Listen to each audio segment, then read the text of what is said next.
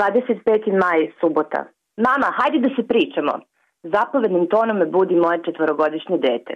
Da se pričamo na njegovom jeziku znači da se od mene očekuje da bespogovorno sledim njegovo uputstva i glumim u filmu kojem je on i scenarista i režiser. Moj Ivor ne priznaje umetničku slobodu glumcima, te bez prostora za improvizaciju uzimam dodeljeni mi autić i sledim scenariju za ovo jutro. Sad si krenula da se provozaš, ideš da kupiš sladoled, onda te onaj zločesti auto napadne, onda zoveš policiju. Nakon čega promptno stiže policija u Ivorovoj ruci uz zvuke sirene. Kažnjava zločinca, upuca ga ili odmah šalje u zatvor. Kažem svom sinu da mu je pravda kao izmene u kaznenom zakonu Srbije. Neproporcionalne kazne, sužavanje mogućnosti za uslovnu kaznu, on me gleda trepčići. U dečijoj vizuri sve je jako jednostavno. Postoje lopovi i policajci, jedni su zločesti, drugi dobri. Kazna je neupitno zaslužena i pravedna.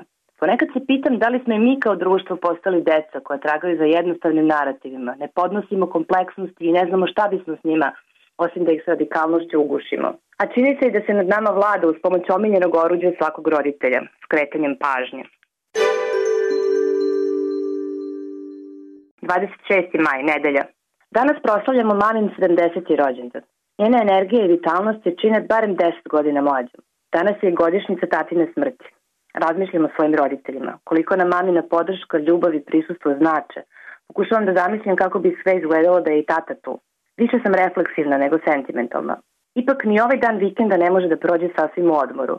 U pet popodne se kolega s instituta ja nalazimo s jednim kolegom iz Kopenhagena s kojim sastavljamo zajednički naučni projekat.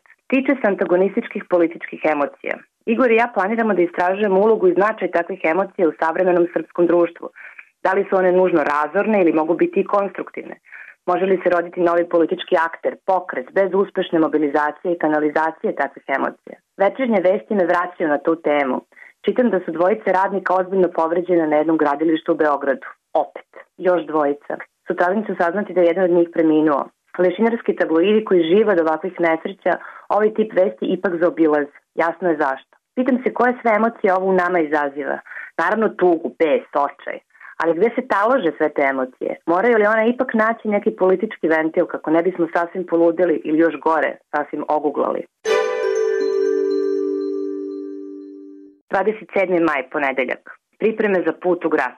Spevam prezentaciju o radu na kojem smo zajedno učestvovali Irena Gazela, Sara Balša i ja. Istraživanje se ticalo novih društvenih pokreta u Makedoniji i Srbiji, a ova prezentacija treba da podcrta modele njihovog unutrašnjeg organizovanja. O tome, o demokratskim inovacijama od ozdo i od ozgo, što je tema Jean Monnet međunarodne mreže koju predvodi naš institut, ćemo naredna dva dana u Gracu ali prvo sledi 7 sati vožnje kolima do tamo. Irena Bilja i ja pretresamo teme od vanredne skupštinske sednice koje je u toku dok se mi vozimo, do doktorskih plagijata, sramnih zaključaka komisija, inercije ili nedovoljne zainteresovanosti akademske zajednice. Malo prekraćujem vreme i grlićevim neispričanim pričama. Posle toliko preporuka konačno sam uzela tu knjigu u ruke. Ne ispuštam je sve do kasnih sati, sad već u hotelskoj sobi, zahvalna što baš na ovaj način završavam dan. 28. maj, utorak. Pljušti kiša u grad, ali susret s dragim ljudima s kojima ćemo provesti naredna dva dana nam svima popravlja raspoloženje. Tema skupa, demokratske inovacije i građansko učešće u političkim odlukama nam svima pomaže da mislimo kako je možda i moguće izgraditi neki bolji svet. Još jedna prednost ovakvih intenzivnih skupova. Nemam mnogo vremena da pratim domaće vesti. O još jednoj istorijskoj sednici, o upadu i hapšenju Rosu, Vojska će biti u punoj borbenoj gotovosti. Nije tačno da sam ikada pominjao vojnu intervenciju. Strategija sluđivanja se nastavlja. A što bi se od nje odustalo kad očigledno daje dobre rezultate svojim kreatorima? O vređanju Marije Lukić na ročištu i tako dalje. Za večerom pak ogovaramo malo i austrijsku politiku. Armina mi s pravom dobacuje za stolom. Mi se stalno nešto auto-orientalizujemo. Komentarišemo aferu sa Štraheom, Bizarnost snimka nam čitavu aferu predstavlja kao neki eksces, ali u sebi razmišljam kako je jedina razlika u odnosu na politics as usual to što je ova epizoda snimljena i kasnije plasirana u javnost. Besramno lobiranje i ugovaranje ja tebi ti meni poslova je skoro pa sasvim legitimni način vođenja politike.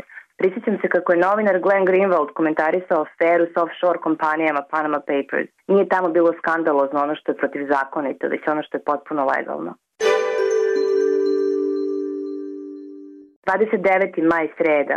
Kiša i dalje pada, mi se i dalje lepo zabavljamo, a uz to i radimo. Slušamo sjajne momke iz Bihaća koji opisuju svoj aktivizam rođen iz poplava 2014. Govore o večitoj dilemi. Da li smo kao građani efikasniji ako delujemo samorganizovano ili ako se udružimo s političarima? Slede običajni komentari za i protiv partija, za i protiv prljanja politikom. Ne znam, meni se uvek činilo da odgovor na to pitanje zavisi od toga šta ti je cilj da ostaneš čist ili da nešto uradiš. Naravno, stvari nisu ni približno tako jednostavne i ova dva odgovora ne moraju biti međusobno isključujuća. Onda slušamo i genijalnog Borisa Jokića o njegovoj borbi i privremenom porazu kurikularne reforme koju je vodio u Hrvatskoj. Divim se, ali i čudim njegovom optimizmu. On kaže, bit će sve u redu, naša društva su zrela za progresivnu promenu, desit će se. Popodne isto trojka od ponedeljka, Irena, Bilje i ja, istim kolima krećemo nazad za Beograd. Kiša nas prati sve vreme. 30. maj četvrtak. Konačno kući. Konačno je Igor došao kući. Ivor je bio sam s bakom dva i po dana, izgleda na obostrano uživanje. Razmenjujemo utiske s putovanja, organizujemo dan, igramo se s Ivorom koji naravno opet zahteva da se pričamo. On odlazi u vrtić, ja se vraćam poslu koji je morao da čeka nekoliko dana. 31. maj, petak. Konačno ću se videti sa Joy Alfom koji su u Beogradu već skoro nedelju dana, ali ih zbog obaveze i putovanja nisam mogla sresti ranije.